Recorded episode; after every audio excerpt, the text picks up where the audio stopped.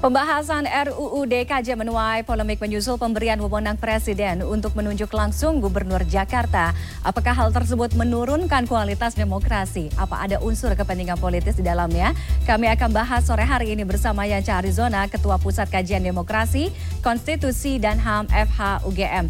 Selamat sore Mas Yanca. Selamat sore, Mbak Tiffany. Baik, saya akan minta tanggapannya lebih dahulu terkait dengan uh, persetujuan RUU DKJ ini perihal gubernur dan juga wakil gubernur uh, ditunjuk langsung oleh presiden. Apakah ini menghilangkan konteks demokrasi, Mas Yanja, atau sebaliknya proses demokrasi itu tetap ada karena masih ada pelibatan unsur DPRD di situ? Ya baik, tapi sebenarnya di RUU ini kita bisa lihat dari satu dari sisi proses, kedua dari sisi substansinya ya dari sisi proses sebenarnya memang dimandatkan oleh Undang-Undang uh, eh, IKN nomor 3 2022 supaya dalam waktu dua tahun yaitu 15 Februari nanti itu sudah ada perubahan Undang-Undang uh, DKI Jakarta. Jadi karena itu sepertinya sekarang dijadikan sebagai usul inisiatif DPR. Ini baru diusulkan oleh DPR. Nah, sebenarnya RUU ini di awal itu dipersiapkan bersama-sama, uh, diajukan bersama-sama oleh Presiden dan DPR, tapi dua hari lalu DPR kemudian uh, mengambil inisiatif untuk mengajukan RUU ini, seperti ada bagi tugas antara pemerintah dengan DPR dalam hal Undang-Undang IKN dengan Undang-Undang DKI Jakarta itu dari sisi proses. Dari sisi substansi memang satu isu yang menarik perhatian publik kan soal uh, di dalam rancangan ini uh, di, diusulkan nanti gubernur dan wakil gubernur itu diangkat dan diberhentikan oleh presiden ya setelah mendengar pendapat dari DPRD. Jadi ini sebenarnya yang uh, menarik untuk didiskusikan sekarang uh, dan tentu ketentuan seperti ini melakukan sentralisasi kekuasaan pemerintahan ya. Jadi agak aneh sebenarnya karena RUU ini diusulkan oleh DPR tetapi justru dia memberikan kekuasaan yang terlalu besar pada eksekutif. Nah, jadi anehnya juga di situ ya. Dan kalau kita lihat di berbeda dengan undang-undang IKN sebenarnya, kalau di IKN itu diangkat dan diberhentikan oleh presiden, tetapi setelah mendengarkan pendapat DPR. Nah ini justru DPR-nya nggak punya kewenangan sama sekali dalam pengangkatan gubernur dan wakil gubernur. Dan ini juga sebenarnya bertentangan dengan semangat di dalam undang-undang dasar kita, khususnya pasal 18B sorry 18 uh, eh, ayat 4 di Undang-Undang Dasar yang menyebutkan bahwa gubernur, bupati, wali kota dipilih secara demokratis. Tapi kalau di, diangkat dan diberhentikan setelah mendengarkan pendapat dari DPRD itu mengurangi sisi demokratisnya dalam penentuan kepala daerah. Dan ini juga kita khawatirkan menjadi salah satu uh, apa namanya salah satu faktor juga yang sebenarnya uh, apalagi Jakarta itu kan pemilihnya banyak ya. Uh, khawatir kita ini bisa jadi dagangan politik dalam rangka politik elektoral 2024 nanti uh, ketika siapa yang akan menang dia akan bisa menjanjikan jabatan sebagai gubernur ataupun wakil gubernur kepada orang tertentu yang akan mendukungnya untuk uh, pemilu 2024. Oke, okay. gitu, Oke, okay, jadi yang saya rangkum adalah agak aneh um, Anda melihat um, poin ini, kemudian juga ada penurunan kualitas demokrasi dan juga ada unsur politis di sana. Nah, Anda melihat apakah memang ada urgensi uh, Mas Yance secara politik, baik secara politik ataupun secara sosial ya, dengan penunjukan langsung oleh presiden ini? Ap apa atau siapa mungkin yang diuntungkan?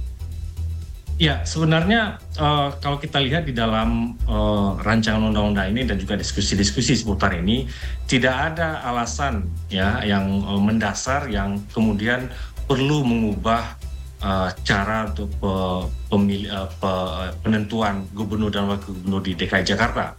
Maka kemudian selama ini berdasarkan evaluasi misalkan bahwa pemilihan gubernur dan wakil gubernur itu bermasalah gitu ya, mm -hmm. sehingga dia perlu uh, apa namanya sehingga dia perlu ditunjuk dan diangkat dan diberhentikan oleh presiden. Jadi tidak ada dasar seperti itu. Jadi kita tahu kepentingan apa yang sedang bermain di sini. Kalau padahal kalau kita lihat pengalaman sejauh ini adanya pemilihan di tingkat daerah itu menjadi salah satu sarana penting sebenarnya untuk melakukan uh, sebagai tahapan untuk seleksi uh, pemimpin tingkat nasional ya. Bayangkan misalkan kalau dulu Pak Jokowi tidak jadi gubernur DKI Jakarta belum tentu beliau uh, punya kans besar untuk jadi presiden kira-kira begitu ya kalau yeah. misalkan dulu uh, Jakarta itu tidak ada pemilunya kira-kira begitu.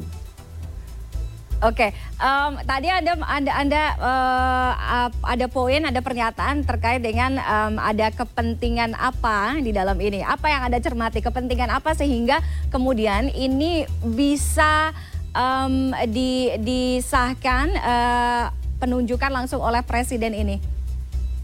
Secara umum sebenarnya yang sedang terjadi hari ini di Indonesia kan sentralisasi kekuasaan ke eksekutif ya.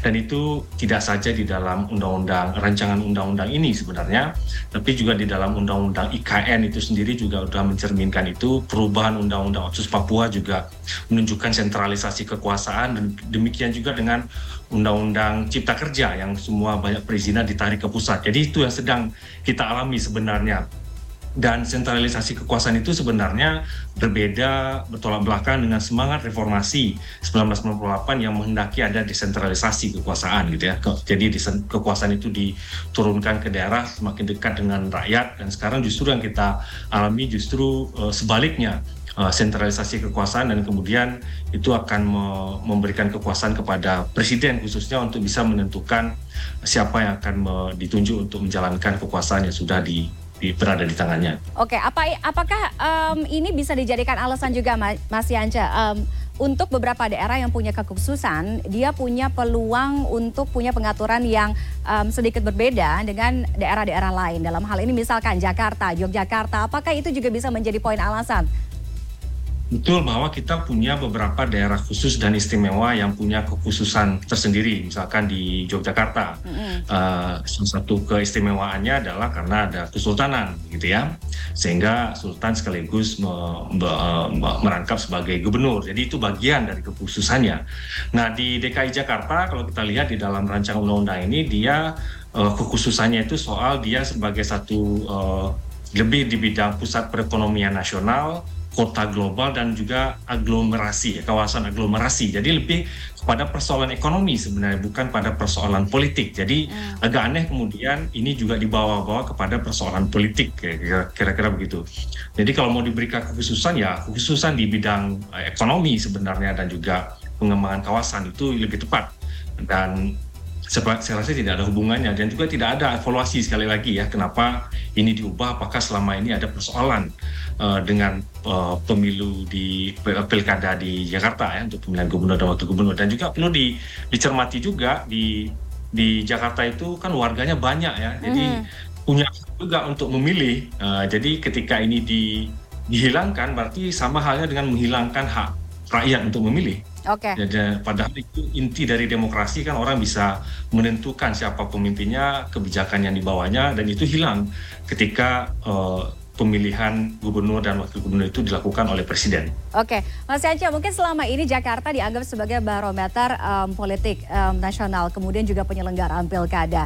Karena mungkin beberapa orang yang pernah memimpin DKI Jakarta kemudian melaju uh, maju sebagai calon presiden, bahkan uh, terpilih sebagai uh, presiden Indonesia. Nah, ap apakah dengan adanya poin ini dapat mengganggu kondusivitas politik uh, dari dalam negeri sendiri?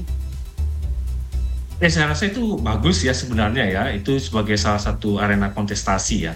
Uh, gagasan orang untuk bisa masuk ke dalam uh, pilkada tidak saja di DKI Jakarta sebenarnya tapi juga di beberapa tempat lain ya itu jadi sarana sebenarnya untuk kita menemukan calon pemimpin di tingkat nasional yang sudah teruji di di tingkat daerah. Kita lihat sekarang misalkan di pilpres kita kan ada beberapa uh, kepala daerah mantan kepala daerah yang bahkan di tiga tiga pasangan itu ada gitu ya. Jadi itu menurut saya satu hal yang baik juga untuk menjadikan adanya pemilihan-pemilihan di tingkat gubernur, uh, wali kota, bupati, kemudian itu menjadi sarana untuk menentukan uh, uh, calon yang yang mumpuni yang punya pengalaman di tingkat lokal untuk dijadi jadi pemimpin nasional dan kita membutuhkan itu sebenarnya ya untuk uh, sarana untuk kita melihat track record kepemimpinan seseorang. Oke, baik. Terima kasih Mas Yanca Arizona atas analisisnya Ketua Pusat Kajian Demokrasi, um, Konstitusi dan HAM FHUGM sudah bergabung di CNN Indonesia Connected sore hari ini. Selamat sore Mas.